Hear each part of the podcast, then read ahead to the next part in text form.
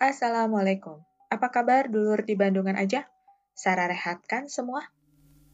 Saya pernah bahas di episode 1 tentang kawasan Kars di bagian barat Bandung, tepatnya di daerah Padalarang. Kawasan Kars itu terbentuk akibat proses pelarutan sewaktu dataran tinggi Bandung masih merupakan dasar samudera dalam. What? Dataran tempat kita tinggal sekarang dulunya adalah samudera. Wow, iya, Dataran tinggi Bandung dulunya adalah dasar samudera dalam yang perairannya sangat mendukung kondisi fisik dan mutu lingkungan air laut di sekitarnya.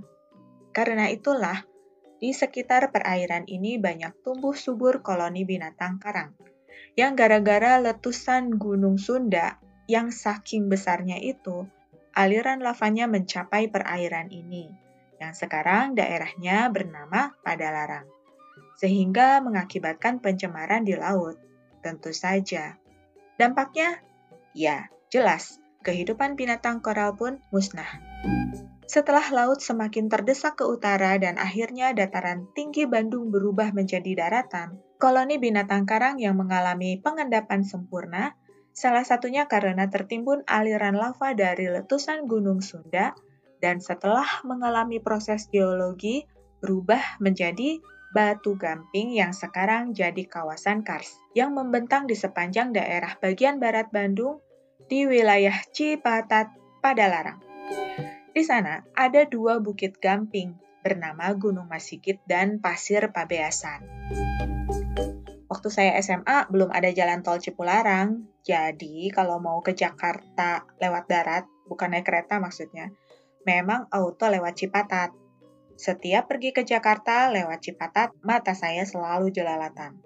Saat itu, bukit-bukit Kars keren banget. Belum separah sekarang eksploitasinya. Masih utuh bentuk-bentuk segitiganya. Nah, karena sering jelalatan, maka familiar dong perbukitan Kars di sana bagi mata saya setiap lewat. Setelah ada jalan tol, ketika saya ke Jakarta lewat jalan darat, saya udah nggak pernah lagi lewat Padalarang ketika ada kesempatan ke Cianjur beberapa tahun lalu, mata saya kembali jelalatan ketika melewati Cipatat pada Larang dan menemukan sesuatu yang asing yang bagi saya yang saat itu baru pertama kalinya lagi lewat daerah Cipatat setelah sekian lama, belum pernah saya lihat. Apakah itu? Ada benda tajam raksasa yang tertancap di puncak tebing Bukit Kars di daerah Cipatat. Nah, hari ini saya mau berbagi cerita tentang misteri belati raksasa yang tertancap di tebing salah satu Bukit Kars Citatah, daerah Cipatat pada larang itu.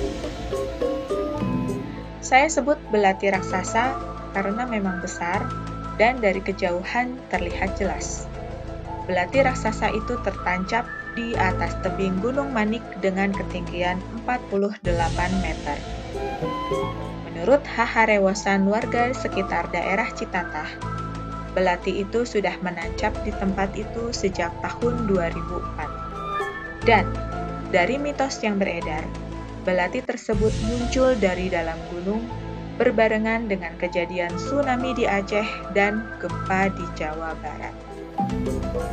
Tidak hanya itu, Selain muncul dari dalam gunung, ada mitos lain bahwa belati itu jatuh dari langit dan tertancap di tebing Gunung Manik.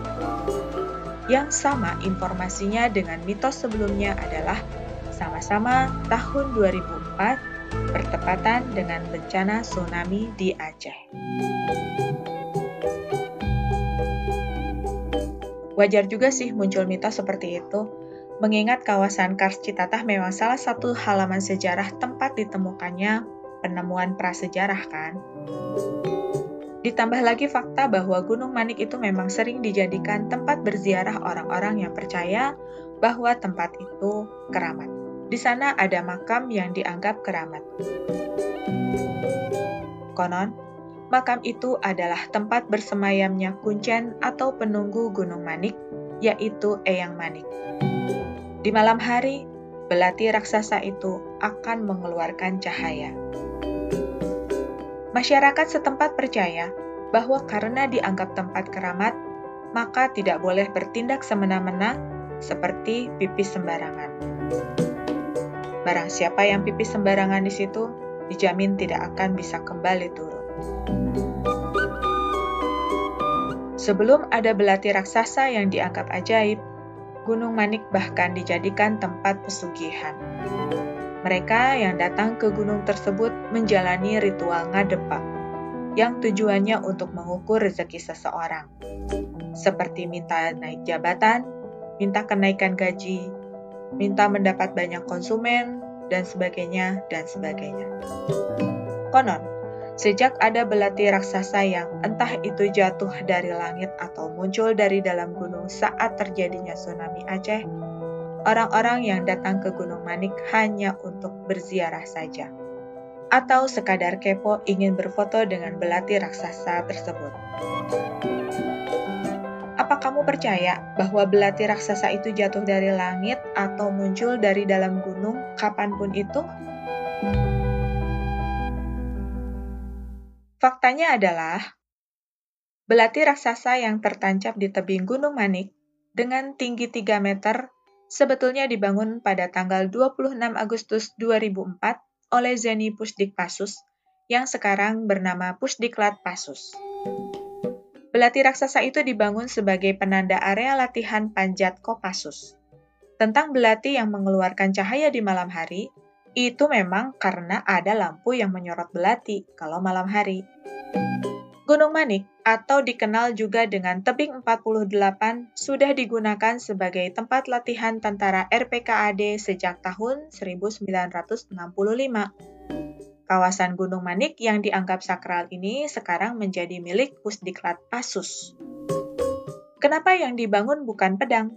Sebab sangkur atau belati merupakan senjata kebanggaan Kopassus.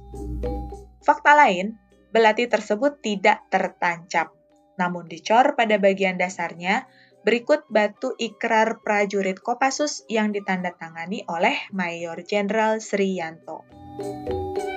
Apakah tempat ini boleh didatangi oleh masyarakat umum? Boleh, karena disediakan jalur yang relatif aman untuk mencapai puncaknya. Jika berdiri di puncak tebing 48, kita akan melihat pemandangan Kars Citata. Apakah tempat panjatnya bisa digunakan untuk umum? Kabarnya bisa, tapi seperti yang sudah saya bilang tadi, karena tempat ini milik Pusdiklat Pasus, berarti harus minta izin dulu dong sama Pusdiklat Pasus. Karena merekalah yang merawat tempat itu. Soal aroma mistis yang salah satunya adalah nggak boleh berkelakuan sembarangan di suatu tempat, salah satunya di Gunung Manik ini, kayaknya memang berlaku bagi sebagian masyarakat Indonesia yang mempannya sama yang mistis-mistis begini ya. Cenderung lebih nurut gitu. Apa semua tempat dijadiin mistis aja gitu ya, biar nggak bau pesing di mana-mana? Dan nggak banyak sampah bertebaran karena pada nggak disiplin buang sampah? Kuy ah, dulur di Bandungan aja mah, pasti pada disiplin buang sampah kan ya?